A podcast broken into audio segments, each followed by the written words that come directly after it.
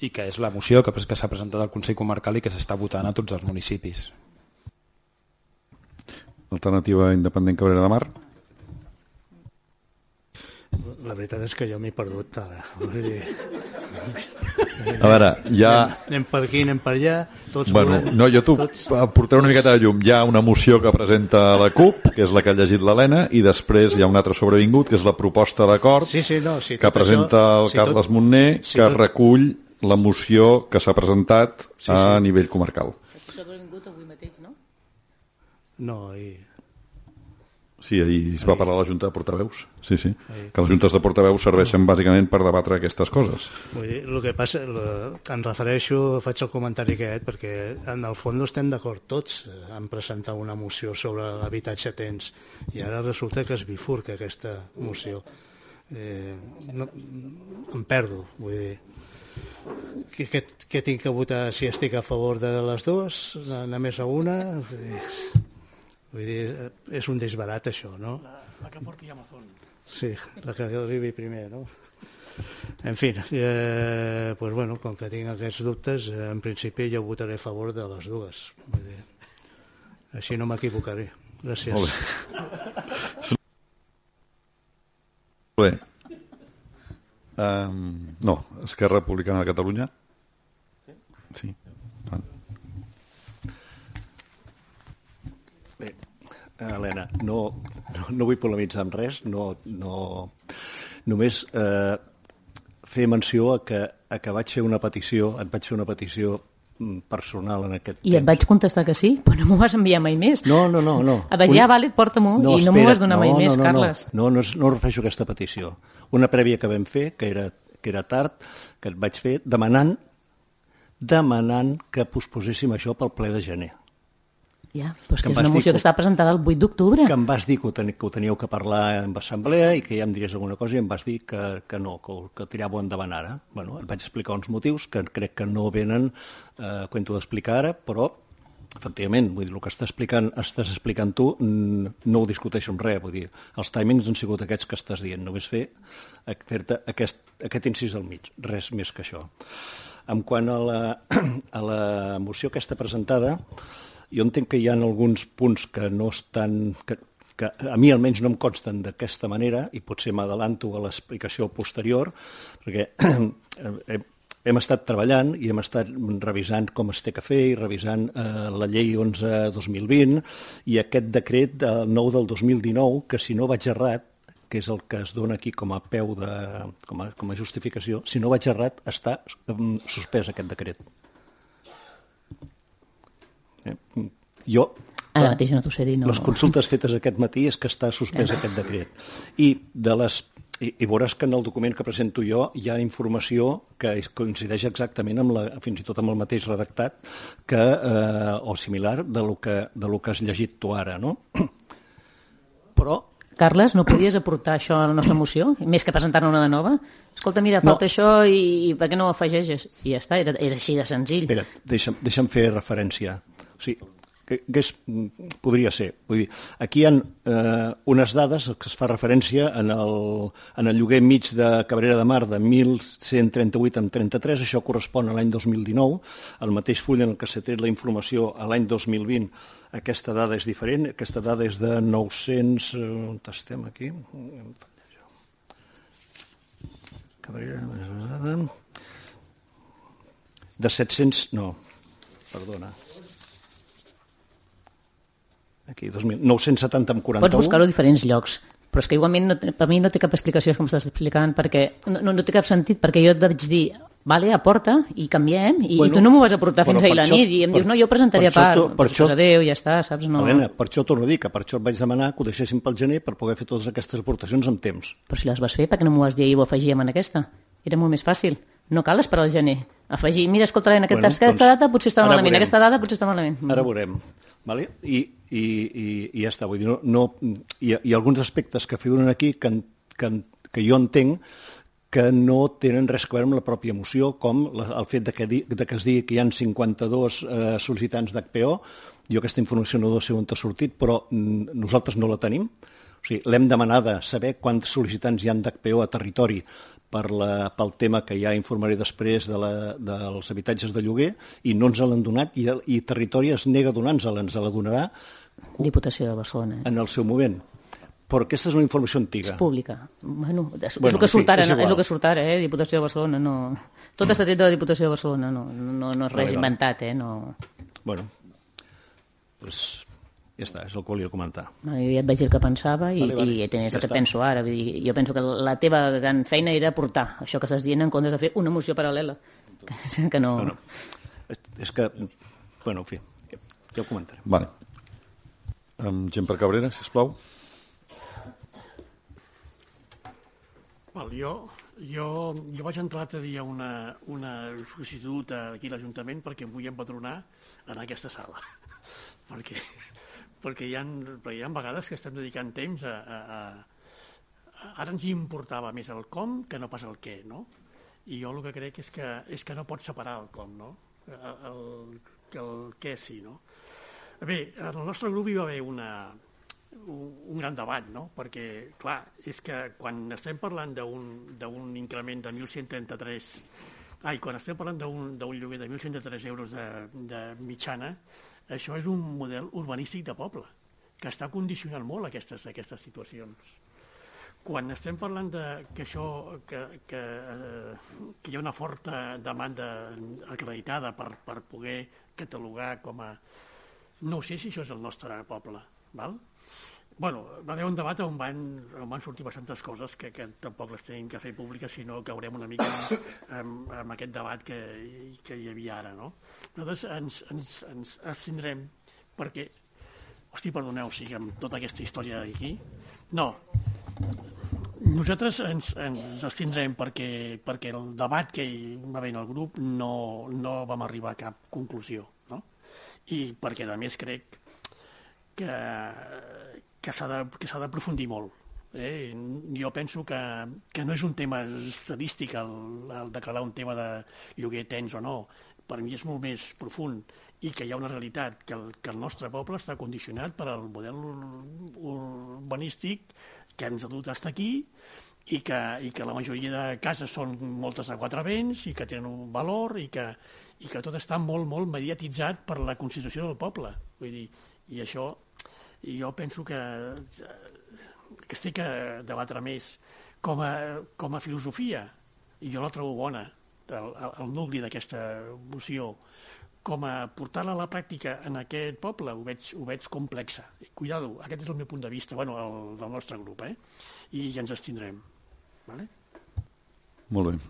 Gràcies. Per part de Junts per Catalunya Cabrera de Mar, el, que és el fons de, del tema de la moció, ho argumentarem en la següent i per una qüestió de, de forma, de que bueno, no ha estat possible debatre-la ni fusionar-la en, en la Junta de Portaveus, que era el lloc on s'hauria d'haver pogut fer, i perquè entenem que conté dades no actualitzades, perquè no prosperi, votarem en contra amb el propòsit de que sigui la següent la que realment sigui debatuda en el seu contingut. D'acord? Per tant, sometem la moció a, a votació. Vots a favor? Abstencions? Vots en contra? Secretari, sisplau. Es, es desestima la, la moció presentada per la, per la CUP, ja que només ha obtingut dos vots a favor de la regidora de la CUP i del regidor de ICM, dues abstencions dels dos regidors de, de gent per Cabrera i set vots en contra de, de l'equip de govern. Molt bé, gràcies. Passem al següent punt, que és el darrer, el tercer sobrevingut. Primer hem d'aprovar la urgència. El motiu de la urgència és eh, doncs, el que estem parlant, el mateix que fins ara, el tema d'habitatge.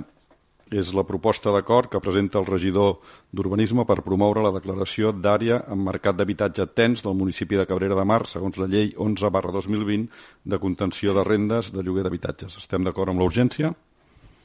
Sí? Doncs endavant, Carles Moner, regidor d'Urbanisme i Equipaments. Endavant. Bé, fe- fent un preàmbul, eh, en aquesta proposta. La, la llei aquesta sabem que està, mm, està recorreguda i està eh, recorreguda per, eh, per inconstitucionalitat. Tot i així no està suspesa, per tant és, és efectiva, però és un, un entorn que ens, que ens mou. I el que es presenta no és una moció, sinó que com hi ha una proposta d'acord es, es presenta que el ple prengui un acord concret. Llegiria tota la, tota la proposta. La programat és, i perdoneu, i està basada, ens hem centrat en l'acord que es va adoptar al Consell Comarcal del Maresme entre eh, Esquerra, la CUP i els, i els comuns i el que s'ha aprovat a altres municipis de, del nostre entorn. La problemàtica derivada de l'accés a un habitatge digne a preus accessibles no és nova. Quan no hem superat els efectes de la crisi iniciada l'any 2007 i l'esclat de la bombolla immobiliària, se suma una nova bombolla immobiliària. Aquesta vegada centrada en l'alça dels preus de lloguer, arribant a cotes impagables per una majoria. La pèrdua constant de poder adquisitiu i l'augment de preus de lloguer i la crisi econòmica derivada de la pandèmia de la Covid-19 provoquen una crisi habitacional amb constant creixement que ha esdevingut una crisi sistemàtica. Aquesta va ser una de les principals motivacions de l'aprovació, el passat setembre del 2020, de la Llei 11-2020 de mesures urgents en matèria de contenció de rendes en els contractes d'arrendament d'habitatges.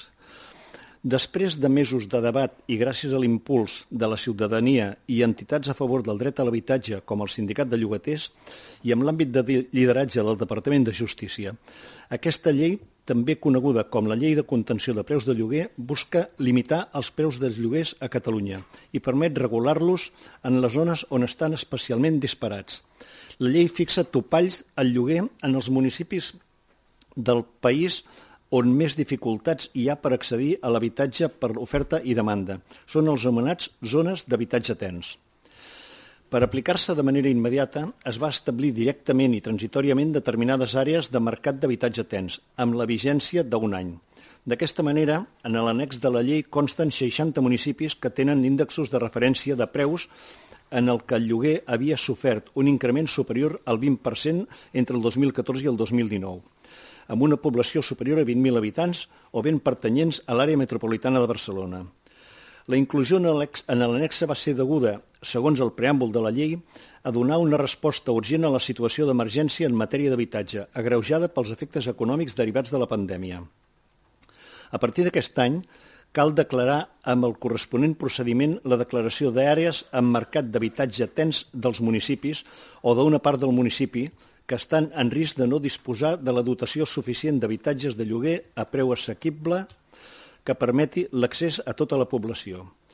En aquest, aquesta situació de risc, segons l'article 2 de la Llei 11-2020, pot venir determinada pel compliment de qualsevol de les condicions següents. Que la mitjana del preu de lloguers d'habitatge experimenti un creixement sostingut clarament superior al de la mitjana del territori de Catalunya. Que la càrrega del cost del lloguer de l'habitatge en el pressupost personal o familiar superi la mitjana superi la mitjana perdó, superi de mitjana el 30% dels ingressos habituals de les llars o que la mitjana de preu dels lloguers d'habitatges superi el 30% de la renda mitjana de les persones menors de 35 anys i que el preu dels lloguers d'habitatge hagi experimentat en els 5 anys anteriors al, al moment de la declaració un creixement interanual acumulat d'almenys 3 punts percentuals per damunt de la taxa interanual de l'índex de preus al consum de Catalunya. Conforme a l'article 3, la competència de la declaració correspon al Departament de la Generalitat en matèria d'habitatge, actualment Departament de Territori i Sostenibilitat, excepte amb la ciutat de Barcelona, que correspon al seu Ajuntament, i en l'àmbit metropolità de Barcelona, que correspon a l'àrea metropolitana de Barcelona, mitjançant un acord del Consell Metropolità. Però la iniciativa correspon als respectius municipis o als ens locals supramunicipals en els que estiguin integrats per acord del ple de la respectiva corporació. La durada màxima de la, de la declaració serà de 5 anys i pot ser revisada posteriorment per, es, posteriorment per escurçar-ne la durada o per deixar-la sense efecte si canviessin les circumstàncies que la, que la van motivar. Al seu torn, i arribant en el moment pot ser prorrogada si també la situació ho justifica amb un termini que no pot superar la durada inicial. Com veiem, és una declaració flexible que pretén, com no podria ser d'altra manera, ajustar-se a les necessitats de cada moment. Per això que cap situació desfavorable a l'interès públic o social no pot produir-se. Segons els indicadors municipals d'habitatge de la Diputació de Barcelona, el preu mitjà del lloguer a Cabrera de Mar a l'any 2020 és de 970,41 euros mensuals i el llogater destina una mitjana de 42,08 de la renda bruta familiar al pagament del lloguer. Tenint en compte que només un 10%, segons la mateixa informació, dels habitatges de Cabrera són per llogar i que un d'aquests quatre són d'ús turístic, creiem que és necessari fer les polítiques per garantir l'habitatge assequible, digne i adequat als nostres vilatans serà, seria inconcebible estar en situació de mercat tens i deixar d'aplicar al municipi la llei que precisament permet introduir les mesures de reacció a aquest mercat tensionat de lloguer, en plena emergència habitacional agreujada per la situació de crisi econòmica i conseqüència de la pandèmia del Covid-19. No fer-ho significaria deixar famílies en una situació de major risc i precarietat, en aquest context, és de vital importància que els municipis que compleixin els requisits s'acullin a la regulació, no només per donar resposta als seus veïns i veïnes, sinó també per la sinó també com a mesura per, per solidaritat per tal de que la norma no generi disfuncions a l'hora de facilitar accés a l'habitatge entre veïns de municipis contigus o pròxims. En el cas de Maresme, els municipis inclosos dins de la declaració transitòria en l'annex 1 són Mataró, Masnou, Malgrat, Pineda de Mar, Premià de Mar, Vilassar de Mar, tot i que les dades indiquen que la resta de poblacions de la comarca podrien ser perfectament considerades com àrea amb mercat d'habitatge tens. Per aquest motiu, el ple del Consell Comarcal del Maresme, amb sessió ordinària del 18 de maig del 21, va aprovar la moció per promoure la declaració dels municipis de la comarca del Maresme com a àrea de mercat d'habitatge tens segons la llei 11-2020 de contenció de rendes de lloguer d'habitatges. El dret d'accés a l'habitatge és una peça clau en l'estat del benestar, com ho són els drets bàsics de la sanitat, l'educació, el sistema de pensions o la dependència. I els ajuntaments, com a institució més pròxima a la ciutadania, tenim l'obligació de posar-hi totes les eines en el nostre abast per fer-ho possible. Per tots aquests motius, es proposa al ple l'adopció dels següents acords. Primer, que es tingui per promoguda la petició de declaració d'àrea de mercat d'habitatge tens d'aquest aquest municipi, conforme a l'article 3, apartat 4 de la llei 11-2020, de mesures urgents en matèria de contenció de rendes en els contractes d'arrendament d'habitatge, pel termini inicial de 5 anys, article 4.2, sens perjudici de ser revisada quan es doni les circumstàncies previstes en l'article 4.3 que el present acord s'alivi al Departament de Territori i Sostenibilitat amb qualitat en qualitat de departament competent en matèria d'habitatge, als efectes de la incoació del procediment de declaració conforme a l'article 3, apartat 1 de la llei 11-2020. Tercer, que ateses les característiques de dinamisme del mercat immobiliari, instar que el procediment per la declaració es tramiti per via d'urgència, segons preveu l'article 3 3, apartat 7 de l'esmentada llei. Quart, demanar al Departament de Territori i Sostenibilitat que inclogui el municipi de Cabrera de Mar i publiqui l'índex de referència de preus de lloguer. Cinquè, traslladar aquests acords al Departament de Territori i Sostenibilitat, Departament de Justícia i al Sindicat de Llogueters. Fins aquí el, el, la proposta aquesta. El, això implica que, eh, d'acord amb el que diu la llei, es tenen que fer tot un seguit d'informes per part dels serveis tècnics que tenen que completar-se en aquesta petició per poder-la tramitar. Gràcies. Molt bé. Gràcies a tu, Carles. Donem ara la paraula als diferents grups. Comencem per la CUP. Helena Carreras, endavant, sisplau. Bé, com que és una ampliació de la nostra, més has afegit una miqueta més de palla, votarem a favor, perquè el que volem és que s'aprovi un, que un municipi d'habitatge tens. Molt bé, gràcies. PSC, Daniel Meroño, endavant. Sí, per, per ampliar una miqueta la informació, no? aquesta llei de contenció dels preus del lloguer que es va aprovar el setembre del 2020 per la Generalitat i que incorporava, com ha dit el Carles, aquests sis municipis de, de la comarca de declaració transitòria, eh, el Consell Comarcal, després de, de, de presentar la declaració, va voler que s'hi sumessin més poblacions de la comarca. Eh, a, part, a, a banda dels sis municipis anteriors, hi ha 12 ajuntaments hi ha 12, 12 ajuntaments que ja han demanat ser declarats a d'habitatge tens i 4 que, que ho, ho estan, estan en fase, ho estan, ho estan preparant properament. Eh? Aquests ajuntaments, per posar exemples, són Alella, Arenys de Mar, Arenys de Munt, Cabrils, Calella, Canet, Dos Rius, Palafolls, Sant Andreu de Llavanera, Sant Pol de Mar, Tiana i Vilassar de Dalt. També Argentona, Sant Sabrià de Vallalta, Sant Vicenç de Montal, Tallà, etc. És a dir, tot tipus de color polític.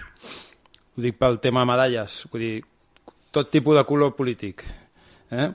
El, eh, aviam, el, eh, jo, jo estic content perquè realment l'impacte que té eh, aquestes mesures en tota la comarca, pues, pràcticament el 85% de la població del Maresme eh, la recolza, no? I llavors, doncs, i efectivament, l'accés a l'habitatge és un, de, un dels grans reptes que tenim a la comarca i les administracions per, per, per fer front i evitar l'increment de la, de, dels problemes habitacionals que hi ha i els preus de lloguer i els preus de lloguers que acaben expulsant eh, dels nostres pobles als nostres municipis a moltes persones. No?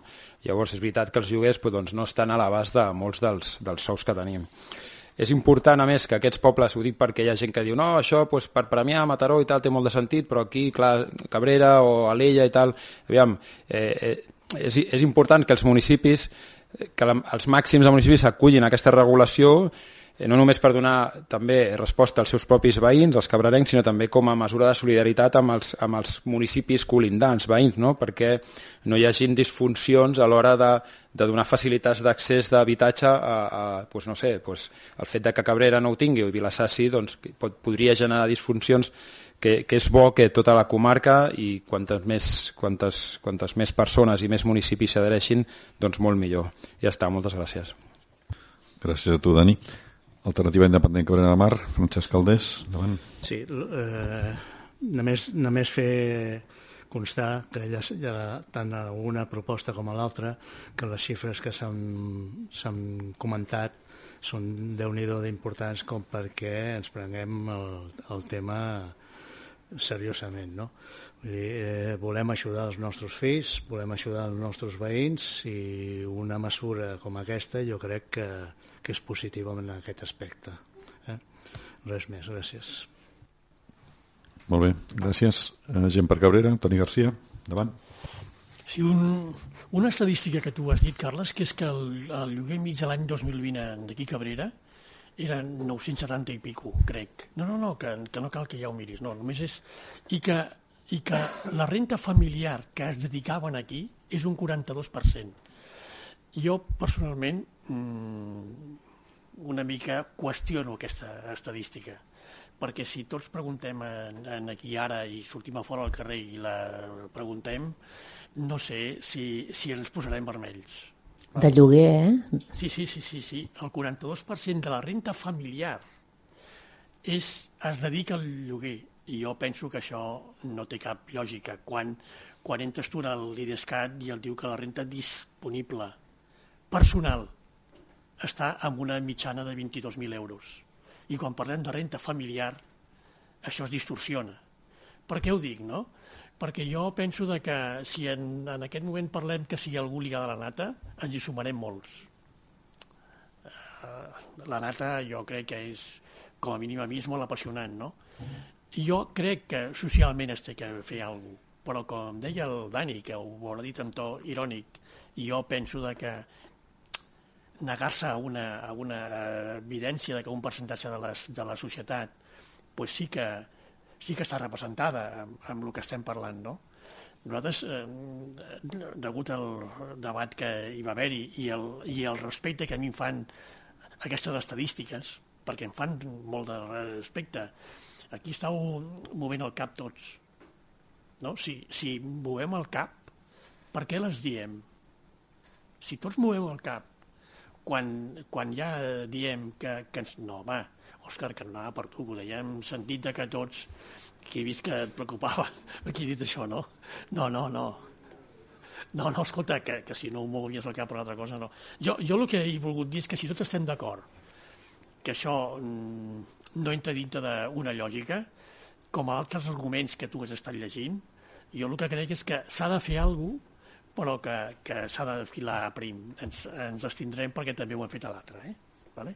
i perquè el grup hi va haver un debat. Eh? Sí, sí. Molt bé, per part de Junts per Catalunya Cabrera de Mar, aviam, creiem molt fermament que l'habitatge és la gran assignatura pendent de la gestió política dels darrers 40 o 50 anys. Tenim, tenim claríssim, eh? és un problema no resolt a nivell de país i des d'aquest punt de vista entenem que aquesta proposta per si sola no resol el problema, tot i que pugui ajudar, sinó que calen moltes més coses. Cal una veritable política d'habitatge que aporti habitatge assequible al qual hi pugui accedir tothom. Aquesta proposta entenem que té avantatges. És la limitació de preus, ho veiem com un avantatge que evita l'especulació i des d'aquest punt de vista ho veiem positiu, però també tenim molt clar que té riscos, com de fet ja s'ha demostrat. Recentment va sortir un estudi que s'havia reduït l'oferta d'habitatge de lloguer des de l'entrada en vigor d'aquesta llei. Clar, és, i és normal, si un propietari dubta entre posar un pis a lloguer o vendre'l, si se'l desincentiva perquè se li limita el lloguer, doncs és normal que prefereixi posar-lo a la venda, amb la qual cosa el que estem fent és reduir, per una lògica de mercat, l'oferta d'habitatge de lloguer. Per tant, té avantatges, però també té aquest risc.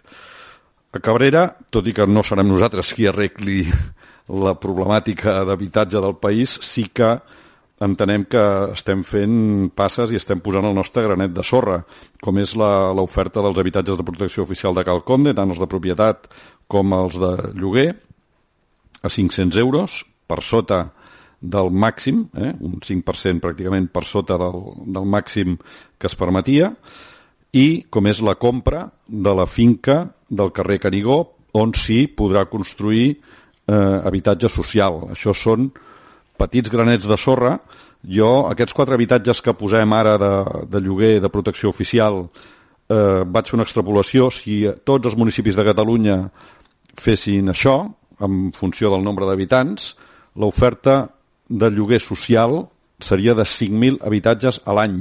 Mm? Si tots els municipis fessin el que ha fet Cabrera, en proporció, lògicament, al seu nombre d'habitants, estaríem parlant de 5.000 habitatges de lloguer social, no, perdó, de lloguer de protecció oficial a, a, a tot el país. Per tant, home, mm, posem-ho també en valor perquè alguna cosa estem fent per, per atacar aquest greu problema, com dic, no resol des de fa temps.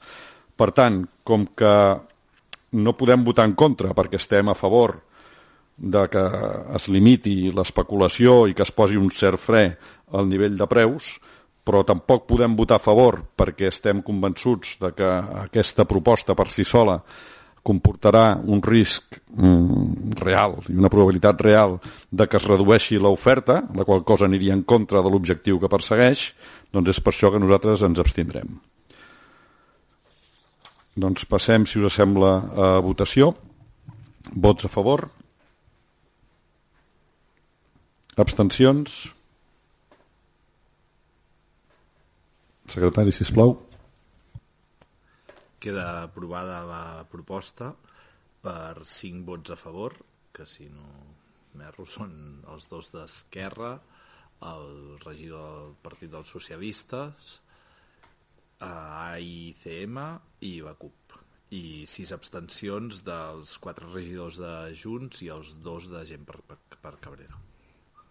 Correcte, molt bé. Perfecte, doncs prospera la, la proposta d'acord i passem al següent punt, que són les informacions, pregs i preguntes. Comencem per les informacions dels membres de l'equip de govern i comencem pel Sergi Teodoro, regidor d'Ocupació i Empresa, Cultura i Participació Ciutadana. Endavant, Sergi. Ah, bon vespre. Com cada ple, començo donant les, les dades d'atur.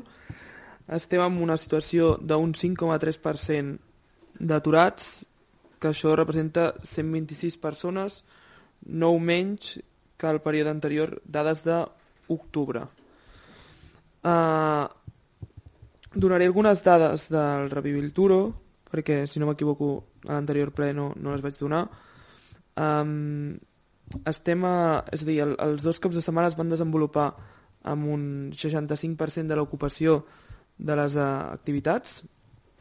Prop de 900 persones van, van adquirir aquestes, aquestes entrades.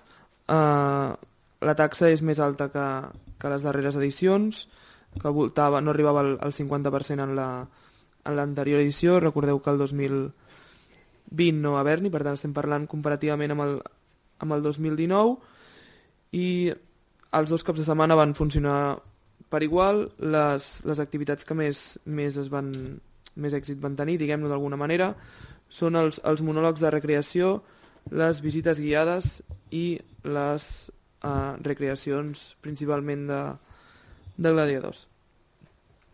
Uh, comentar que a l'última sessió uh, la regidora de la CUP m'ho va, va preguntar sobre participació ciutadana. Han sortit a publicació els plecs.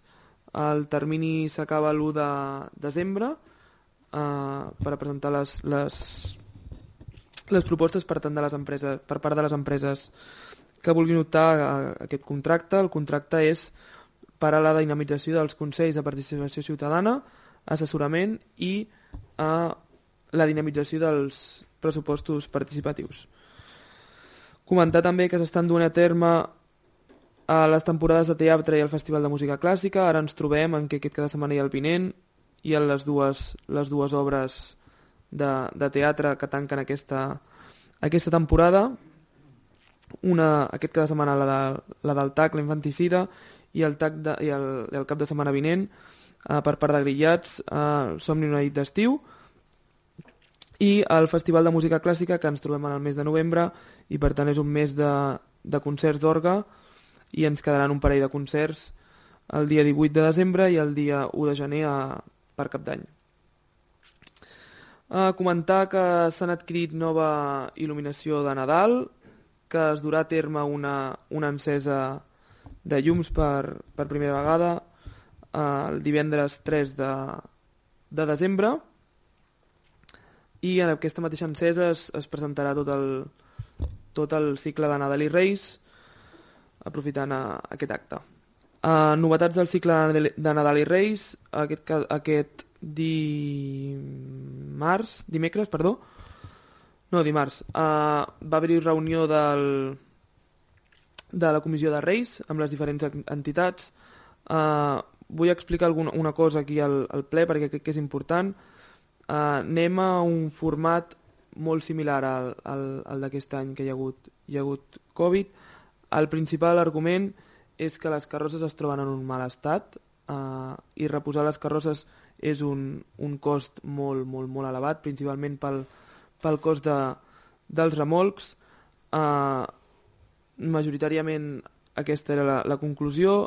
Uh, tot això ve provocat també perquè la, la situació de, de l'any passat doncs, va tenir una acceptació bastant gran i el municipi de Cabrera doncs, té unes característiques dels carrers doncs, que port, dificultaven bastant eh, la cavalcada en el, seu, en el seu recorregut i passarem a tenir una, un, un espai amb una decoració, que això s'està adquirint, uns vestuaris nous, amb un discurs a explicar com si fos el, el, bueno, el, el poble dels, dels Reis, per dir-ho per dir-ho d'alguna manera, sense perdre la visita dels Reis a l'església i, eh, bueno, principalment això que us, he, que, us he, que us he comentat. I per últim comentar que va haver-hi sessió de, del Consell Municipal d'Entitats aquest dimarts també, on es van plantejar diversos punts. El Consell Municipal d'Entitats, un dels principals punts és la coordinació de les activitats, es va portar a terme aquest dimarts i com ha destacat també a comentar que s'està iniciant l'estudi de programació de Can Bartomeu com a espai per a l'associacionisme en coordinació amb les diferents entitats on ara mateix estem en una fase en què els hem de, demanat a, a les associacions quina és les necessitats que, que tenen, quin és el seu Can Bartomeu ideal, a partir d'aquí eh, l'empresa que ha de redactar l'estudi de programació a recollirà totes aquestes necessitats més les, les propostes que vinguin directament des dels de, tècnics de, de cultura per a, per a tirar endavant aquesta, aquest canvi de, de Can Bartomeu, molt necessari, perquè ara mateix no dona cabuda la totalitat de les entitats, tal i com està organitzat ara, i manquen alguns espais. Vale? Uh, per part meva, això, això és tot. Que no és poc. Molt bé. Gràcies, Sergi. Donem ara la paraula a la Montse Reig, regidora d'Ensenyament, Salut Pública i Benestar Animal. Endavant, Montse.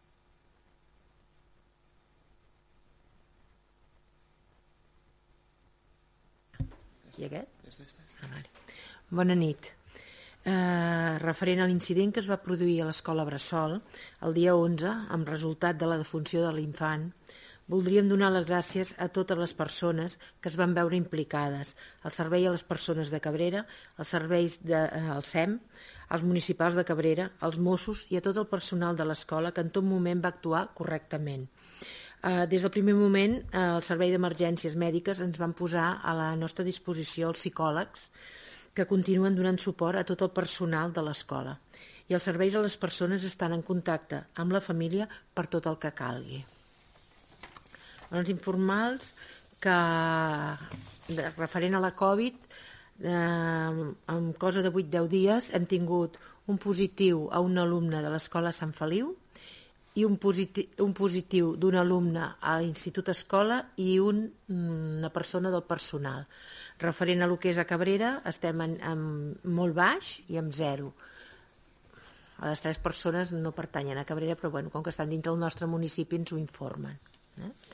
Llavors, eh, comunicar-los que, que eh, aquest any ens hem adherit a la 26a Setmana de la Ciència des de, des de la regidoria d'ensenyament a través de la biblioteca. Eh, és molt interessant. L'any passat ho vam fer a través dels Bibliolabs, no ens vam adherir amb ells perquè encara no sabíem com anàvem, però també van gaudir eh, d'uns... Mm, com es diu, d'uns laboratoris, d'unes coses al Sant Feliu i el, i a l'Institut Escola. Aquest any ens hi hem adherit i ha sigut per tercer, per tercer d'ESO. A, que a l'escola Sant Feliu i eh, han participat 60 alumnes per entendre els, mecani els mecanismes immunològics bàsics, comprendre conceptes de salut, malaltia i tot això, i prendre consciència de la importància de les vacunes. Ens va semblar que era molt interessant. En l'Institut Escola hi han participat 19 alumnes, que ells han fet comprendre què és l'ADN i la seva composició, entendre la relació entre ADN i factor hereditari i afavorir la curiositat mitjanament l'experimentació. Ha sigut mm, una cosa molt enriquidora i a partir d'ara estarem adherits sempre. Gràcies. Molt bé, gràcies a tu, Montse. Donem la paraula a l'Òscar Fernández, regidor de Gent Gran, Joventut, Mobilitat i Esports. Endavant, Òscar. Bona nit. Uh, primer de tot, començar, començar informant uh, de la regidoria de... Per això feia tant soroll. Uh, començar informant de la, de la regidoria de joventut. Uh, el passat dissabte 13 vam tenir la trobada jove per primer cop, una trobada amb una forta acollida d'uns 25 joves. Uh, va ser a les 6 de la tarda i la veritat és que va funcionar, va funcionar força bé els joves van fer les seves propostes per programar una mica l'any 2022 per fer la programació d'activitats i necessitats pel centre de joventut. Les propostes eh, que van sortir amb més suports van ser sortir d'un escape room de por, que fins ara no s'havia fet cap sortida d'aquest tipus, i un cap de setmana eh, un cap de setmana per menors, de, per menors de 16 anys, que fins ara es produïa un cap de setmana per majors, per tant inclourem aquest cap de setmana per, per menors, una esquiada per menors de 16 anys. Uh, a part d'això, estudiarem la possibilitat d'incloure altres activitats i altres propostes que ens van fer, que ens van fer els joves. Uh, pel que fa a sortides de, de la regidoria de joventut, el proper, el proper dissabte 27 de novembre tindrem sortida a Berga, on farem visita al Museu de la Patum eh, i, els, i els joves podran conèixer una mica la història de la cultura popular de Berga i eh, després farem visita a les mines de Cercs, tot això amb una capacitat d'uns 25, uns 25 joves, més o menys. Ara les inscripcions estan obertes a Can Martinet el passat dissabte 6 de novembre vam, vam fer la sortida als CARS a Cardedeu eh, amb una participació d'uns 25 joves i, i amb, amb, una, amb un funcionament totalment regular i, i, i correcte. Pel que fa al reforç escolar que oferta la regidoria de joventut, eh, les inscripcions es van tancar amb un total de 20 joves i cada dimarts i cada dijous a les 6 de la tarda eh, els nanos i, i els joves i, i les joves de Cabrera poden, poden gaudir d'aquest reforç escolar gratuït. Pel que fa a esports, a comunicar que, que procedim a pintar, a repintar la pista poliesportiva, el poliesportiu de bàsquet. Uh, farem el repintat sencer de les línies i de, i de... Bueno, era necessari.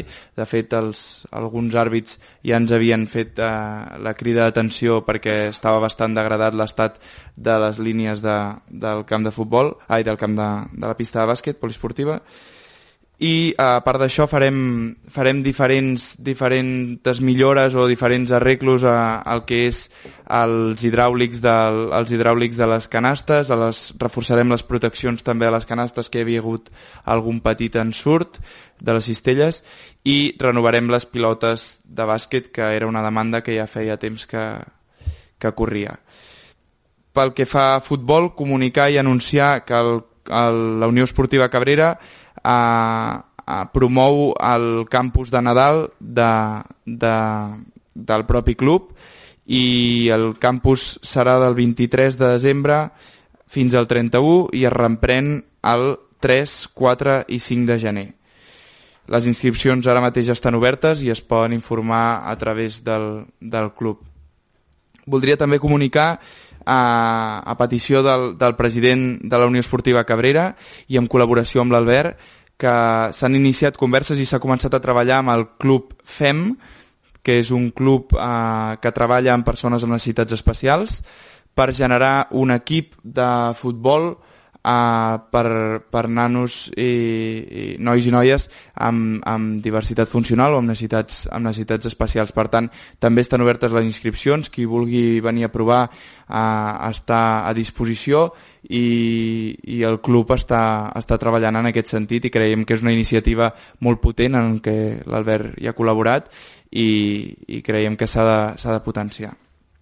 M'he deixat, perdoneu, de joventut, explicar que, que aquest any, a diferència de l'any passat, eh, pel tema Covid, eh, recuperem el que és el casal de Nadal infantil i s'oferten 20 places, eh, fins ara eren 25, per tema espai, l'espai és reduït a Can Martinet, per tant, ofertem 20 places perquè, perquè creiem que encara no hem sortit del tot d'aquesta pandèmia i volem ser una mica prudents i, per tant, el casal de Nadal infantil de l'Ajuntament també un any més eh, s'oferta i les places ja estan a disposició de, de les famílies de Cabrera Mar i poden anar a Can Martinet perfectament a, a fer aquesta inscripció, a formular aquesta inscripció. I ara sí, eh, us porto una bona notícia en la que hem de celebrar que, que el proper mes de gener, l'1 de gener, es posarà en marxa eh, un autobús eh, directe a Barcelona, Cabrera, Argentona, Argentona, Cabrera, Barcelona. Eh, aquest bus és fruit d'un treball que ve de lluny, que ve de fa 3 anys amb l'alcalde Cabrera i l'alcalde d'Argentona eh, van iniciar negociacions o van iniciar converses amb la Conselleria de Territori i amb la Direcció General de Transports i això va quedar força aturat fins a aquest estiu que s'han reemprès les negociacions o les converses amb la Direcció General de Transports eh, que ha acceptat aquesta proposta sobretot molt lluitada i molt batallada des d'aquí a fer un reconeixement a l'Ajuntament d'Argentona eh, i, i que nosaltres ens hi hem adherit, hem aprofitat aquesta, aquest guà que ens, que ens aportava l'Ajuntament d'Argentona i hem ajudat a fer pressió a, a la demanda del bus a, directe cap a Barcelona. i agrair també a la Mercè Rius, directora general, que ens ha posat totes les facilitats, directora general de Transports, i, i total disponibilitat per, per, per oferir aquesta, aquest servei tan necessari, creiem, pel centre del poble de Cabrera. Explicar-vos una mica per sobre com serà aquesta, ja explicarem més endavant, els horaris, etc, però explicar-vos una mica l'oferta d'aquest servei. Aquest servei disposarà d'una llançadora, una única llançadora de moment, Uh, iniciarem aquest, aquest servei amb aquesta única llançadora amb sis expedicions de pujada i sis expedicions de baixada a Barcelona. El mateix, la mateixa llançadora farà el recorregut circular um, i um, el preu, ara ho parlàvem amb l'alcalde abans, el preu és probable que sigui, eh, bueno, no és probable, serà el mateix de l'àrea de, de transports, el mateix fixats per l'àrea de transports metropolitans, encara ens l'han d'especificar. Cabrera de Mar comptarà amb tres parades, Uh, això també creiem que és, que, és, que és a destacar i és important de destacar.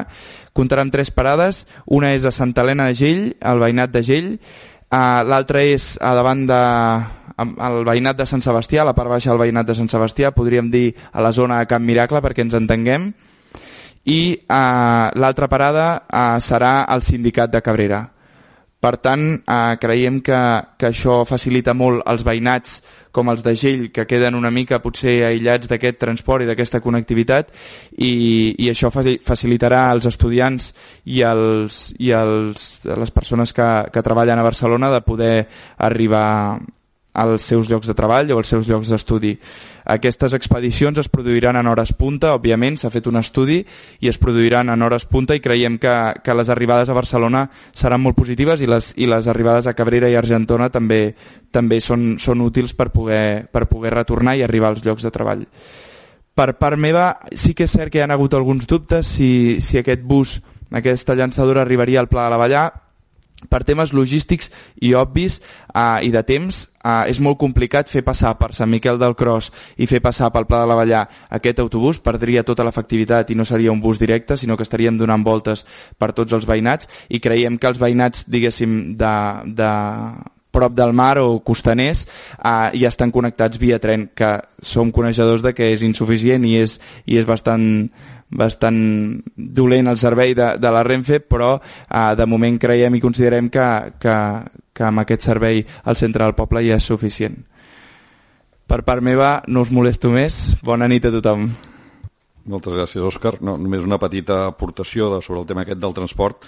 És absolutament implantejable la possibilitat de que hi hagués una parada que no sigui les que estem plantejant, perquè el tema neix de que jo m'assabento en el seu dia que Argentona estava negociant amb la Generalitat transport directe Argentona-Barcelona i dic, home, en lloc d'entrar a l'autopista per Argentona, per què no entra per Cabrera? Clar, que no podíem fer és a sobre fer-los que comencin a donar voltes amunt i avall. Vull dir que el tema neix, neix d'aquí, perquè té un sentit, no, no, no és cap pèrdua de temps. En canvi, si, si comença a donar voltes, perdia tot l'interès i Argentona, evidentment, s'hagués desmarcat.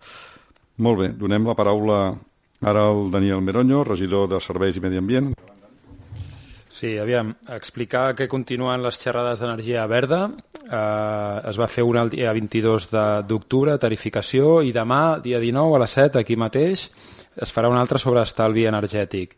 I l última xerrada serà el 17 de desembre, també sobre, sobre instal·lacions d'autoconsum. Eh, explicar també que la setmana que ve, el dia 25, la Fundació Burriac organitza una xerrada sobre els efectes del canvi climàtic a, a Cabrera de Mar, també a les, a les 7 de la tarda.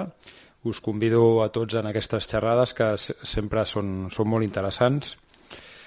Eh, comentar també que estem ja començant a organitzar la propera el Let's Clean Up de recollida de residus amb les dues escoles. Està previst cap, a, cap al maig i bueno, eh, tot just comencem a contactar però, però, però bé, que, ja, que ja ens hi hem posat amb això. Què més? El tema de pla d'usos de la platja. Eh, ja us vam passar, ja vam avisar en l'anterior ple, vam informar que iniciàvem un estudi d'ordenació del litoral, de la platja, amb els equipaments i tal.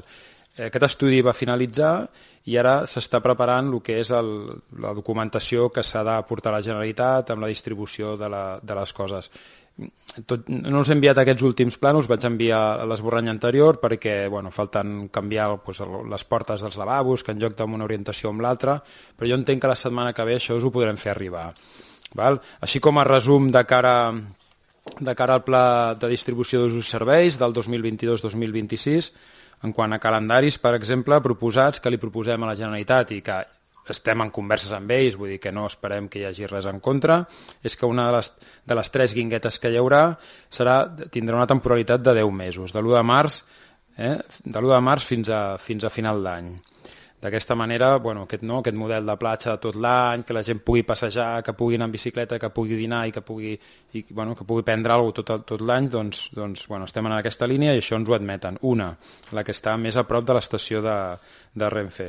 Hi haurà una escola de surf i d'activitats d'educació mediambiental, una escola de nàutica, de l'1 d'abril al 31 d'octubre i les altres dues guinguetes, la 2 i la 3, serà de l'1 d'abril al, 30, al 31 d'octubre. Aquestes seran, són tres mesos. Els serveis de, de salvament, PMRs, avalissament, com sempre, del 29 de maig al 2 d'octubre. Fer un, un petit resum de la novetat, no? que és l'escola de surf i activitats, aquesta activitats d'educació mediambiental. Eh, bueno, es, es tracta d'una escola esportiva de surf, de windsurf i paddle surf, aquesta educació mediambiental ha de tenir un espai mínim d'informació i conscienciació i ecològica. Eh, de fet, aquesta mateixa, el licitador o l'adjudicatari d'aquest servei doncs segurament farà casals de Setmana Santa o d'estiu i llavors ja aprofitarà per fer tot aquesta, aquest servei d'educació de, mediambiental. També hi haurà cursets amb lloguer material i, i per, per usuaris de la platja. En quant a les guinguetes, bueno, pues, pues, mm, estem acabant de mirar el tema de la puntuació i tal, però el, ja us he dit, el, la, el, sobretot el calendari, que era la, la novetat més, més gran. I bueno, un altre punt, bueno, ja per acabar, que és eh, informar que, el, que en la mesura que ha la modificació de crèdit sigui efectiva i podem disposar dels 10.000 euros que vam reservar per l'avantprojecte de la Via Verda, tenim, ja, iniciarem la contractació d'aquest avantprojecte, eh, aquesta via verda que ha de comunicar el centre amb el Pla de la Vallà i que tot, i que tot just pues, pues, bueno, ja dic, s'ha d'iniciar i entenc que hi haurà, segur que hi haurà un estudi previ d'alternatives i bueno, els contactes són diversos gabinets d'arquitectura i d'urbanisme reputats i amb experiència amb, aquests, amb, amb aquest tipus de projectes que segur que, que anirà força bé. I ja està, per part meva ja està. Molt bé. Gràcies, Dani. La paraula a la Núria Pera, regidora de Serveis Interns i Benestar Social. Davant, Núria.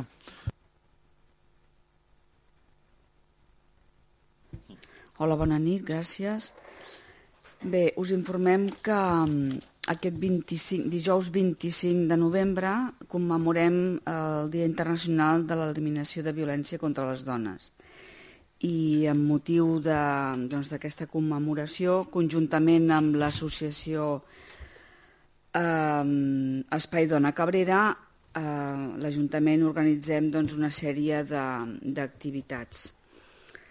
El diumenge, no, el dijous 25 eh, s'il·luminaran diferents espais, eh, poder ser doncs, l'església, Calconda, la Font del Pla de la Vallà, Eh, també, evidentment, el dia 25, dijous, eh, hi haurà la lectura del manifest, eh, quedeu tots convidats i convocats a les 12 del migdia a la plaça de l'Ajuntament.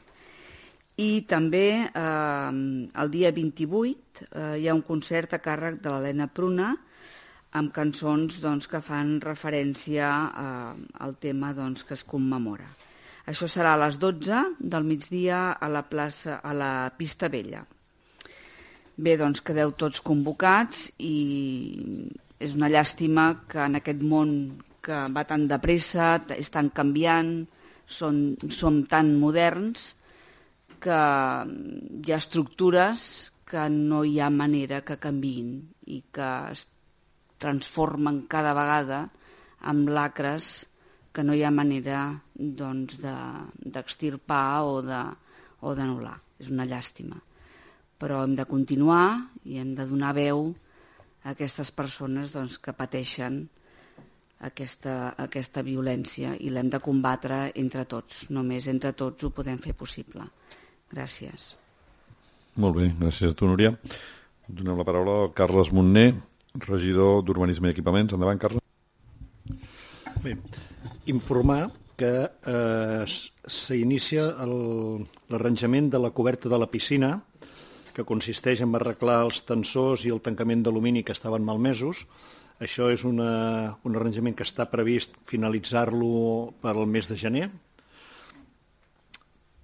També informada que ja s'ha iniciat les obres eh, aquesta setmana per la instal·lació del mòdul de la petanca, del mòdul definitiu a la petanca del Pla de la Vallà. La durada de tot aquest treball és d'un mes aproximadament i, eh, i hem començat mm, a marcar-ho aquesta setmana, la qual cosa la setmana que ve doncs, ja es segueix més endavant. Pel que fa a Calconde, s'ha iniciat també l'arranjament de la tercera fase de la taulada. Eh, s'ha començat ara i bueno, la durada no, no tinc constància de, de quan, però amb això queda completada la, tota la taulada de, de la masia de Calconde. Pel que fa a les bases de, de, per l'adjudicació dels habitatges de protecció oficial, les bases ja han estat acceptades per la Generalitat de Catalunya. Ens han dit que el dia 25 o 26 les publicaran en el butlletí de la Generalitat i al moment que les publiquin transmetaran, trametaran a l'Ajuntament la, la relació de persones demandants d'habitatge que, que publicarem a través de la web de la, de la web de l'Ajuntament juntament amb les bases un cop estigui publicat hi ha un termini de 10 dies per presentar al·legacions al qui consideri que tindria que estar en la relació aquesta i no hi està, si és que es dona algun cas. Després hi ha un termini de 20 dies per resoldre-les, la voluntat és que estiguin resoltes aquestes al·legacions signant en un termini màxim d'una setmana per poder procedir el més ràpidament possible al sorteig d'adjudicació d'aquests quatre habitatges. I, per últim, que la sala del Mases no s'ha pogut tirar endavant encara perquè el proveïdor ha tingut alguns problemes logístics i esperem doncs, que, en el, que dintre de, d'aquest mes i el mes que ve pugui estar acabat i puguem tenir la primera fase de, de l'interior de la sala de la Mages perquè després es pugui entrar amb tota la part tècnica i tenir-la completada el més aviat possible. Res més, gràcies. Molt bé, gràcies a tu, Carles. Esperem, esperem poder fer el sorteig dels quatre habitatges de lloguer de protecció oficial abans de Nadal val? i que s'iniciï l'any ja amb els nous adjudicataris. Molt bé, per part meva, informar-vos, eh, bueno, algun tema ja el coneixeu perquè es va informar comissió informativa, de que ja s'han reparat per fi els dos flonjalls, flonjalls són esfondraments que hi havia a la calçada al polígon de Santa Margarida, un en el vial paral·lel a la Nacional 2 i l'altre a l'Avinguda Mediterrani, que eren cada cop més profuns i perillosos, i això ha tingut un cost pressupostat inicialment de 45.000 euros, però segurament hi haurà un sobrecost perquè els danys, un cop van començar a perforar, doncs era, eren molt importants. També aprofitant això, vull informar de per què encara no podem reparar un esfondrament que hi ha, no en aquest cas a la calçada, però sí a la Riera de Cabrera, en el tram que hi ha arribant a la, al sindicat, que porta anys senyalitzat i que no podem encara arreglar perquè fins fa un any aproximadament vam estar discutint amb l'ACA si era responsabilitat d'ells o nostra. Finalment l'ACA va dir que ells no ho arreglarien. Allò és un esfondrament molt important, no és només el que es veu des de fora, sinó que està descalçada tota la riera i la reparació puja aproximadament uns 45.000 euros, així està pressupostada. Ho teníem, tenim el pressupost, ho teníem previst tirar endavant amb, el, amb alguna partida del, del romanent, com aquest any no ha estat possible pels problemes que sabeu de falta d'intervenció durant molt de temps, doncs no hem pogut habilitar mm, partides d'inversió amb el romanent i esperem poder-ho eh, pressupostar de cara al proper exercici i en els propers mesos doncs, poder-ho solucionar. Però que tothom sàpiga que el motiu pel qual no s'ha fet és perquè és molt més important del que sembla i perquè hem estat intentant que fos l'ACA qui assumís el cost d'això i finalment no és possible.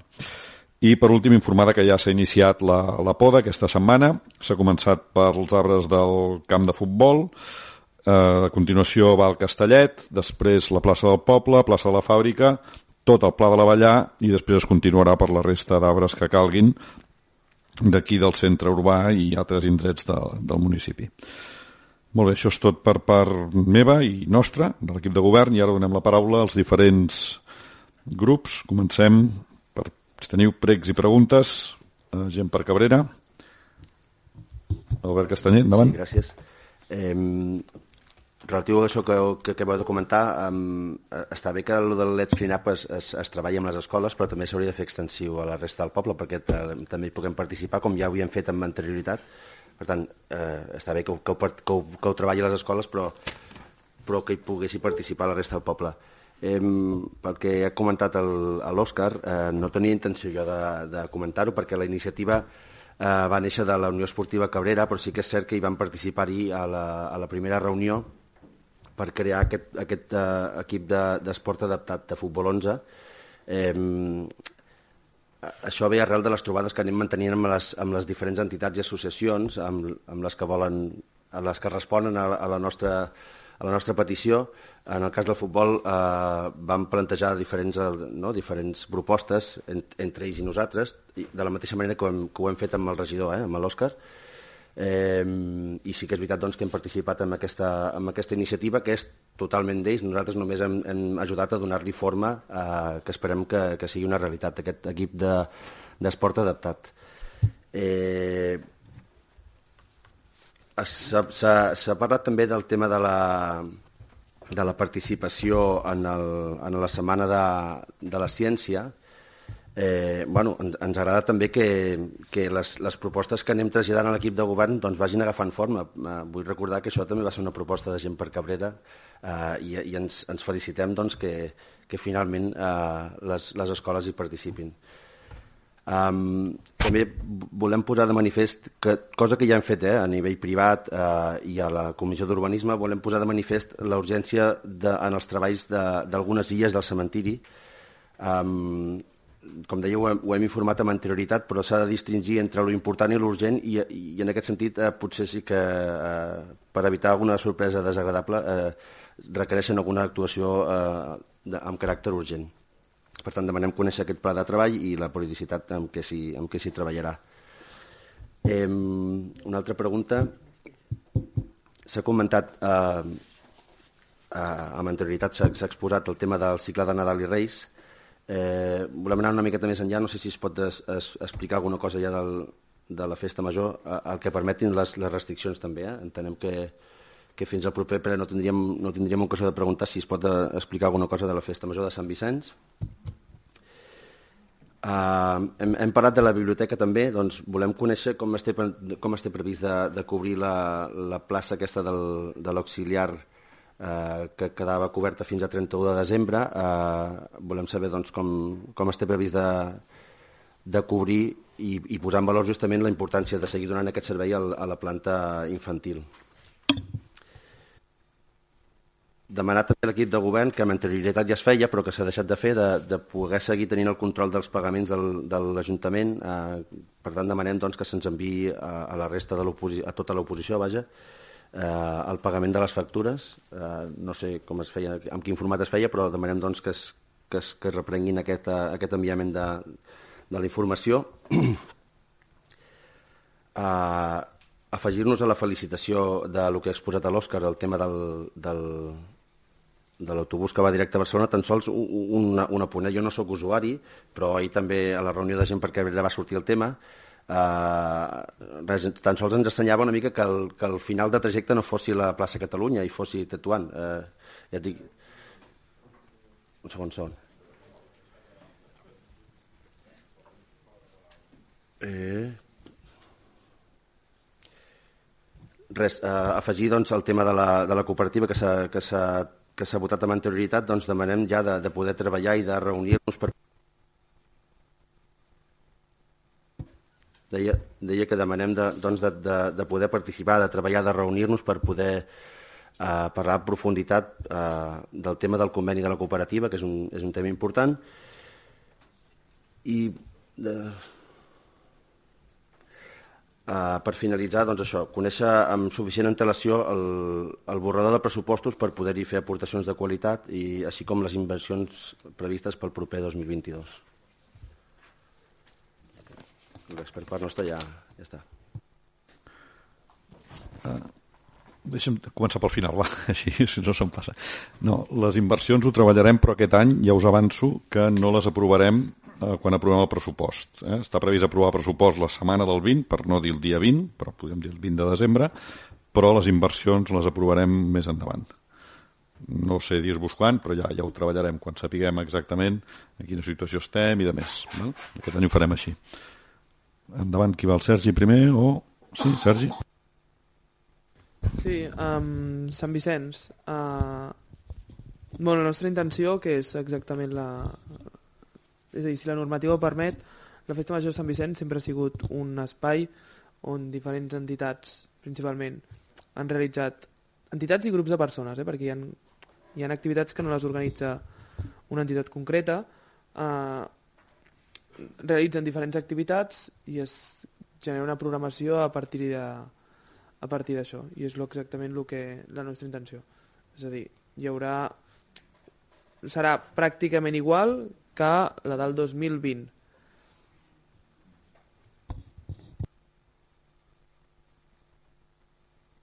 Òscar, tu mateix. Sí, pel que fa al tema de, de la finalització del trajecte de les expedicions de, de la llançadora Direcció Barcelona, eh, més que res explicar, explicar que, que va, va sortir en les, en les converses amb la Direcció General i en les peticions amb la Direcció General que, que, que el, el motiu pel qual no acabava aquesta expedició a Ronda Universitat, que és on, on sovint acabaven aquestes expedicions, um, i se'ns va explicar que per part, per part de l'actual govern de Barcelona o de, de l'actual govern de la ciutat estaven posant moltes traves uh, en ubicar parades de transport públic que no fos de, la, de, la, de TMB, de Transports Metropolitans de Barcelona.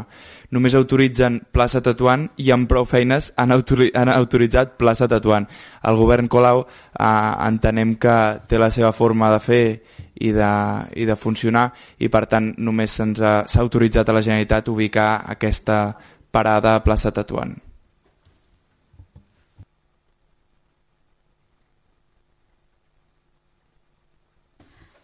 Hola, bona nit una altra vegada. El tema de la biblioteca el, el, el respondré jo.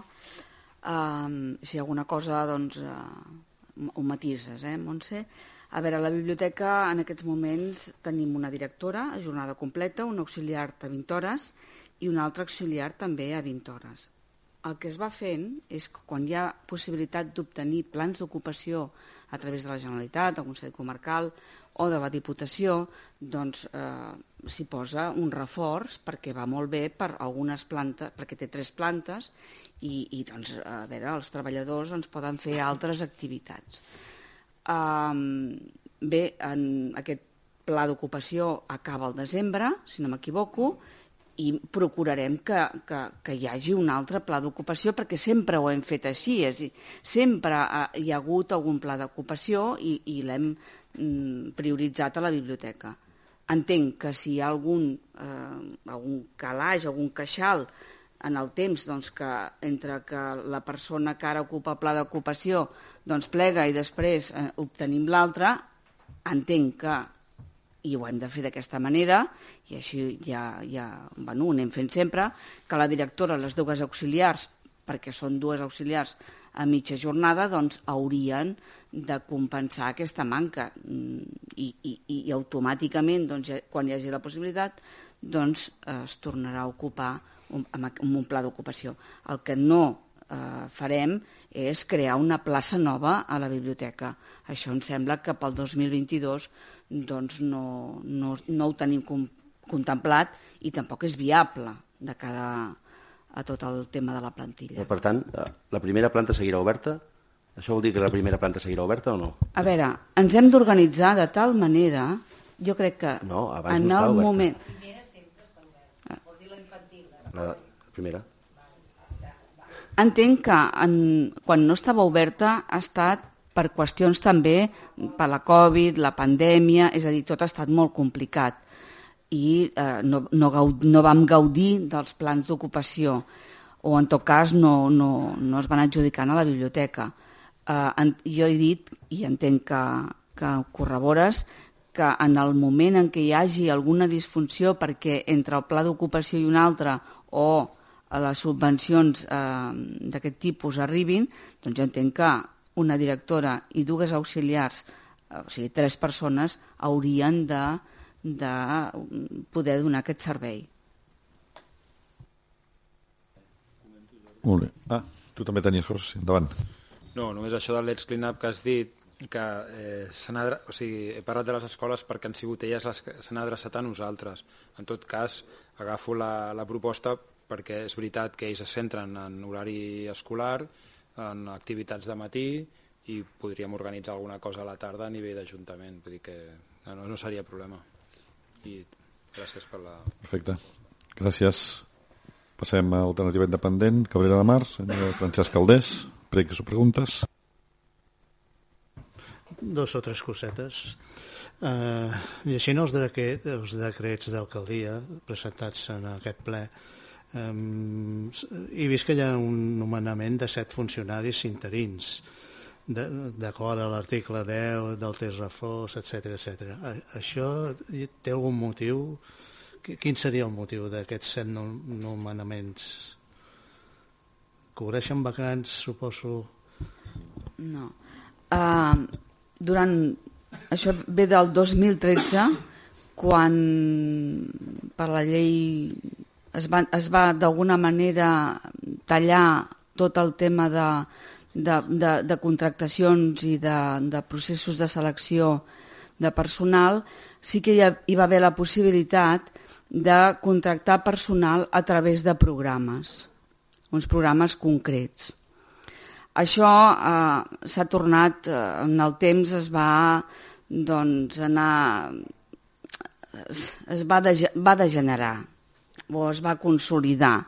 És a dir, el que fèiem era doncs, tenir aquestes contractacions i les anàvem mantenint, anàvem canviant els programes perquè això sí que ho podien fer, però ha arribat un moment que aquestes persones han passat perquè s'ha vist que aquests programes era, ja havia passat a ser personal d'estructura, és a dir, personal estructural.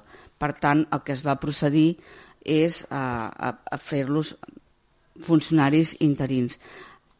Això vaig explicar-ho, si ho recordeu, eh, en un ple, jo diria, del mes de, que quan aprovem la plantilla, eh, diria que, que ho vam explicar-ho abastament, però bé, entenc que xoqui perquè s'ha fet per decret i, i bé. Sí. Ara, que aquests dies s'està sortint en premsa pues, la, la llei que està preparant el, eh, el govern central eh, que afectarà precisament en els eh, funcionaris interins. No, no sé com està la plantilla actual de, de Cabrera, si tenim algun, alguna persona que li pugui afectar aquest, aquesta nova llei o en positiu per ell, clar. Sí, això és el procés d'estabilització de la plantilla. Avui precisament hem tingut una mesa de negociació perquè hem d'aprovar dintre del termini d'aquest any, de l'any 22, eh, l'oferta pública d'ocupació. Eh, a la mesa hem acordat que estirarem tant com puguem eh, en el temps, és a dir, ho aprovarem per junta, l'última junta, aprovarem l'oferta pública d'ocupació perquè eh, s'està parlant i la llei doncs, que permetrà o que ens dirà aquestes persones que estan interines que l'Ajuntament de Cabrera són moltes, són moltes, ja us passaré perquè hem fet un, una radiografia de les persones que estan en aquesta, en aquesta situació i, i bé, el que, el que diu la llei doncs està, estem pendents de si parla de places, si parla de persones, eh, si porten 5 anys d'antiguitat a l'Ajuntament doncs podran entrar a través d'un procés de selecció eh, per concurs de mèrits. Bé, això ho estem... Sí, sí, és veritat. Però eh, el que, el que m'has preguntat dels, dels interins eren interins de programes, que també entraran en aquest pla d'estabilització. Eh? Si, si em permets, Núria, només aclarir que, però ho sàpiguen, que aquí s'està fent una molt bona labor per part del Departament de Recursos Humans i la Núria com a regidora de serveis interns de negociació amb els sindicats i amb una empresa que ens assessora, eh, que és Fornell, que, que és el que ens porta la gestoria pràcticament, i que els sindicats estan, bueno, hi ha molt bon esperit de col·laboració, estan d'acord amb tot el que s'està plantejant i a Cabrera no hi haurà cap tipus de, de conflicte amb l'assimilació la, o amb l'estabilització de la plantilla per part dels interins. Eh? Feu-me pensar que us passi tota la radiografia que hem fet. El que passa que hi ha noms i cognoms, en tot cas ens podríem trobar un dia, més que passar-vos la llista amb noms i cognoms, ens podríem trobar un dia i, i, i parlar-ne. Eh? De fet, avui hem tingut una de les primeres reunions. No, el tema anava més també una mica amb la coincidència de la sí, publicitat sí. de, de lo que està preparant el, el govern central. Ara no em voldria equivocar, però jo diria que estem al voltant d'unes 29 persones interines. Sí, moltes. Cobrirem totes les vacants que tenim, vull dir. Sí, sí clar. Bueno, si més en treballen 28. Hi ha més que regidors. Després una altra coseta. Eh, eh, quin és el... Eh, quan s'adjudica una obra sense licitar, quin és el límit que, que tenim com a, com a això? 40.000 40. més IVA. I, però eh, ara tenim, per, per exemple, la següent pregunta va amb el, a la, la petanca del Pla de la Vallà, que s'ha començat ara a, a fer aquesta està pressupostada en 45. 45, clar. És 40.000 més IVA. Val. Eh, I per últim, eh, parlant de la, la plaça de la Petanca, jo recordo que no sé si va ser amb un ple o va ser... Perdó? Dic, plaça de la Petanca no, no existeix, però ens entenem, ens entenem, Salvador Espriu. Salvador Espriu, on estan les pistes de petanca, que per cert, eh, quan juguen una o dues persones o cinc o sis i utilitzen una o dues pistes, tot l'enllumenat està, està radiant, vull dir que potser no sé si valdria la pena estalviar una mica d'energia, però bueno, eh, tornant al tema, el, jo recordo que no sé si va ser en un ple o va ser en una comissió d'obres, que jo vaig comentar eh, que hi ha un veí que a tocar de, la, de les pistes de petanca que tenia un problema d'humitats en el garatge i en aquella ocasió vaig plantejar que el dia que es tingués que fer eh, aquesta, aquesta eh, fer el, el mòdul d'obra que, eh, que es podia aprofitar, si fos el cas, doncs, per eh, posar solucions als problemes que patia aquest home, bueno, aquesta, eh, aquesta casa. S'ha fet alguna al respecte? O... Sí, està, està previst, s'ha mirat. Eh, es farà un, una recollida, o sigui, un, un desviu de les aigües eh, cap, a la, cap a la claveguera. S'ha comentat amb el veí eh, tota aquesta actuació i bueno, sembla que pot ser satisfactori. Tenint en compte que, eh, que la problemàtica no és solament de, de, de l'aigua, sinó de com està construït l'edifici, eh, que és un factor important. No serà una però solució sí, sí. absoluta, però sí però que serà una millora important. Eh? També, també s'embalsava, quedava allà, allò estava a desnivell i quedava l'aigua en allà, que, que era més fàcil que es pogués anar filtrant a poc a poc. Això també es va regularitzar en el seu moment i bueno, s'està a sobre per quan hi hagi moviments de, de, de, amb el propi joc que la Terra es desequilibra, doncs tornar a posar tot al seu lloc. És que l'home precisament el que, el que pretenia era la part seva, arreglar-la, però que es trobava que si no s'arreglava prèviament la, el que causava les humitats... Va venir fa dues setmanes i els tècnics estan en contacte amb ell, in situ, i Va. Per, per es millorarà. Res més, gràcies. Molt bé. Moltes gràcies. Helena Carreras, de la CUP, endavant. Val. Uh, primer, això que explicaves de Can Bartomeu, Sergi, que m'agradaria molt que, que, que es reactivés una miqueta Can Bartomeu i s'aprofités més tot l'espai. Vull dir que espero que sigui una proposta que, que tiri endavant amb. Montse, la, uh, quan parles que per la defunció de la Laia s'està treballant amb tot el personal i tot això, no sé si també s'està treballant amb els alumnes perquè jo penso que també al final són uns afectats perquè està, té, té un germà I... Però la família ens ha demanat privacitat absoluta. No, no, no el tema, I no, no, el tema de la nena no, en que no concret. volen eh? que ens, eh, o sigui, els serveis a les persones de Cabrera estan amb la família i ells suporten. Jo no sé si fan alguna atenció al germà o alguna No, no, no, no, no em refereixo si a nivell d'alumnes es treballa el tema de la mort, el dol, el... sí, sí, vull dir, si No, es treballa el tema del dol... anyet el- així, no, no es van donar compte. No aquests, no aquests, home, l'escola en general, eh? O sigui, a l'institut escola, el germà. Sí, no el germà, l'escola en general, si es treballa el No, que és la mort, el que és el dol, el que és la pèrdua d'una persona estimada... No van creure el que, no era... Perquè ells no es van assabentar de res fins a... Bueno, el que després van comentar, però no.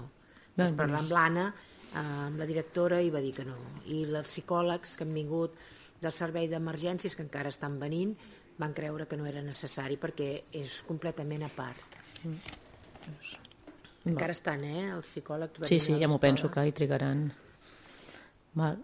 Òscar, molt bé tot el tema del bus, evidentment. Uh, jo tenia un dubte amb tot això de l'esquiada. És una esquiada per menors d'un cap de setmana, no? S'ho has comentat? És una esquiada de cap de setmana. Sí. Sí. I llavors la pregunta és, això com es fa la subvenció? Es paga a tothom igual? Uh, es fa per segons renda? Això va fa... per preu públic, això va per preu públic. Llavors, ara mateix el preu públic, l'ordenança de preu públic, si no m'equivoco, de cap de setmana amb allotjament és de 100 euros exactament. I Llavors, què inclou? Uh, inclou els, les, la pernocta, uh, el que seria els àpats, inclou el transport i inclou els dos forfers a la Masella. Per tant, estaríem parlant de 100 euros, que això estaria... Eh, no, et- no et sabria dir el percentatge, però subvencionat, eh, bueno, regalat, eh, quasi bé. Però, en tot cas, si hi han dificultats, en els casos que hi hagin hagut dificultats, estem en contacte amb serveis a les persones, amb serveis socials, i, i sempre s'ha becat o s'ha ajudat o, o, o s'ha fet un seguiment d'aquelles persones que han tingut alguna necessitat específica. Pel que deies de si són menors o no, sí, sí, són menors. És a dir, fins ara eh, fèiem eh, l'esquiada per majors de 16 anys, Mhm.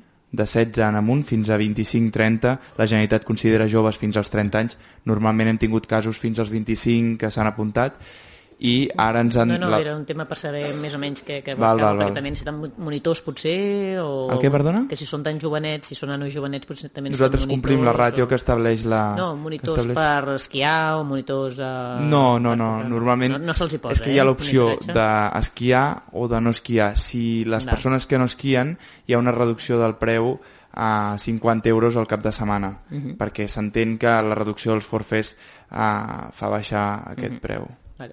Val? I després deies que hi havia reforç Sí, i que 20 alumnes s'han apuntat, 20 nanos, sí. 20 persones... a 15, perdó.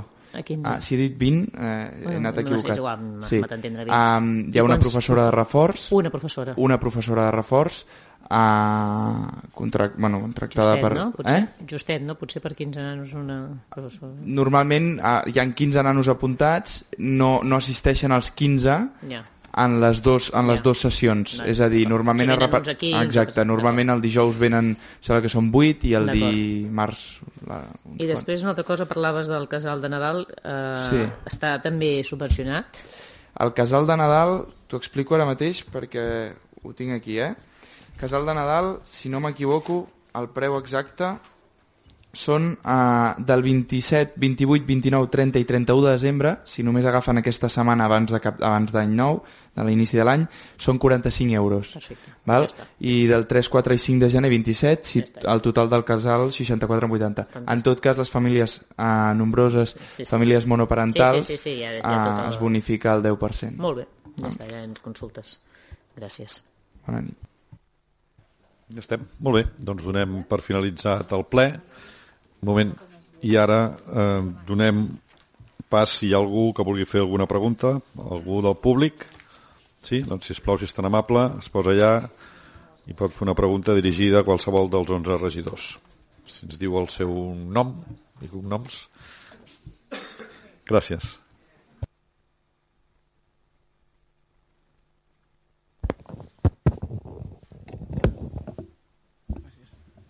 Hola, bona nit. Uh, soc Anton Albages. Eh, tenia una pregunta pel regidor d'Urbanisme i és, eh, crec que m'ha semblat entendre quan, quan presentaven les mocions, bueno, la, la nostra moció, la moció de la CUP i la proposta d'acord de l'equip de govern, que deia que les dades dels, per exemple, l'índex mitjà de lloguer del 2020 de Cabrera eh, havien sortit de la Secretaria d'Habitatge, la Secretaria General, perquè la veritat és que no hi ha dades oficials del 2020. Eh, per exemple, com l'índex de referència als preus de lloguer, mm, diferents valors estadístics han de complir una certa, per llei unes, uns paràmetres de qualitat. L'any 2020 mmm, molts d'aquests índexs no existeixen per motius obvis i no, no, no hi ha un, un, un, un preu mitjà de lloguer de Cabrera oficial del 2020. Per tant, el valor oficial ara mateix són els 1.100, eh, 1.138 i no, no, no entenc d'on surten els 970 que fa referència, però en, cap, en qualsevol cas no poden ser oficials.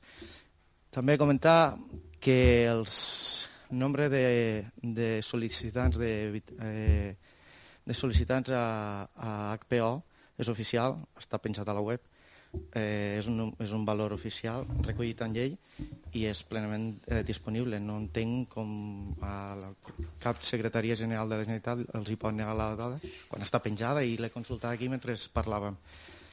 Mentre parlàveu. Eh, també comentar l'estudi que feia referència al senyor alcalde sobre que la llei de regulació de lloguer ha implicat un, una disminució del mercat és un estudi que es va publicar, es va fer molt famós.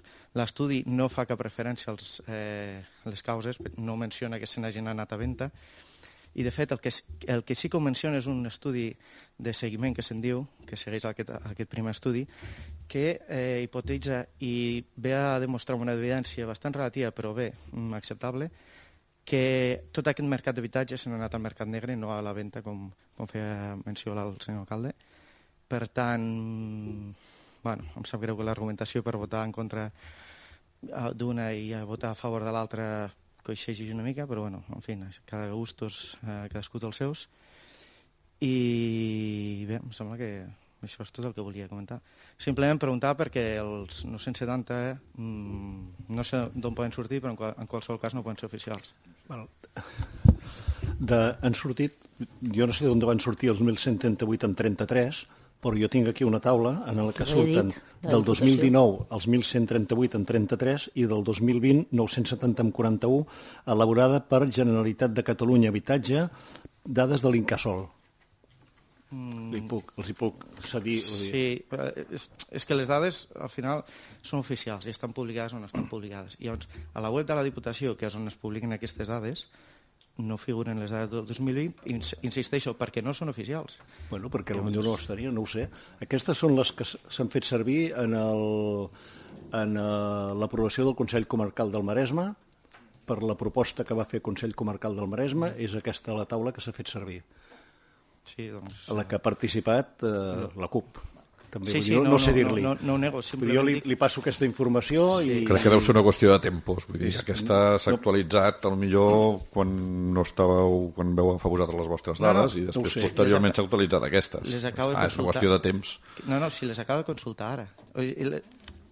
L'oficialitat bueno, no, no. de les dades és la que ve de l'organisme competent de la, de, de, la, de la dada en qüestió i l'organisme competent a dia d'avui no té dades del 2020 perquè no n'hi ha. Eh, sí, estan aquí. Generalitat de Catalunya, això, Generalitat sí, de Catalunya, és un paper, habitatge sí. Incasol. Bueno, d'acord. Um, D'acord. I després, ah, sí, jo tenia una altra pregunta i és molt breu.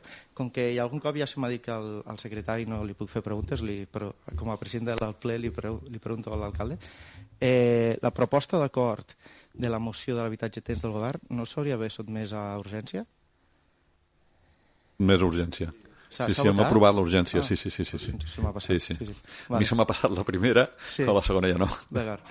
Vale, doncs ja està. Eh, bueno, en tot cas, molt content de que sigui que sigui i qui es pengi la medalla que deia el regidor. No, no cal penjar-se uh, medalles. Sí, és que si no és per medalles no entenc, no entenc el procediment, però bueno, en fi. Enhorabona. No, abans, abans de que marxi el senyor Bages, ha fet una segona observació, que és el de les 52 eh, sol·licituds, mm. que aquesta dada de la Diputació.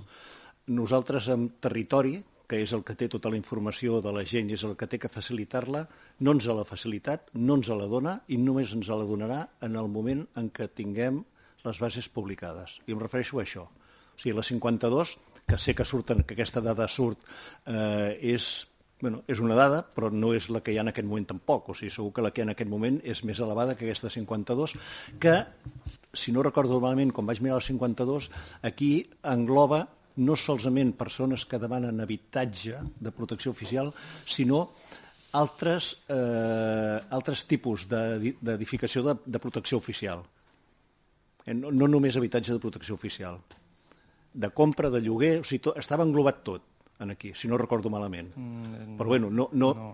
torno a dir, no, no és entrar polèmica, vull dir, aquesta dada. Clar, no, però és que és un, és un tornar al mateix, eh, al cap del carrer, però és, és un registre que és públic sí, sí. i que, que les dades són públiques, estan sotmeses a una legislatura i com a tal per llei de transparència són públiques i es poden consultar i és que a més estan penjades i ho acabo de fer. Molt bé. Sí, sí. Dir... Està clar. Perfecte. Perfecte Molt bé. Gràcies a tothom. Bona nit. Fins la propera.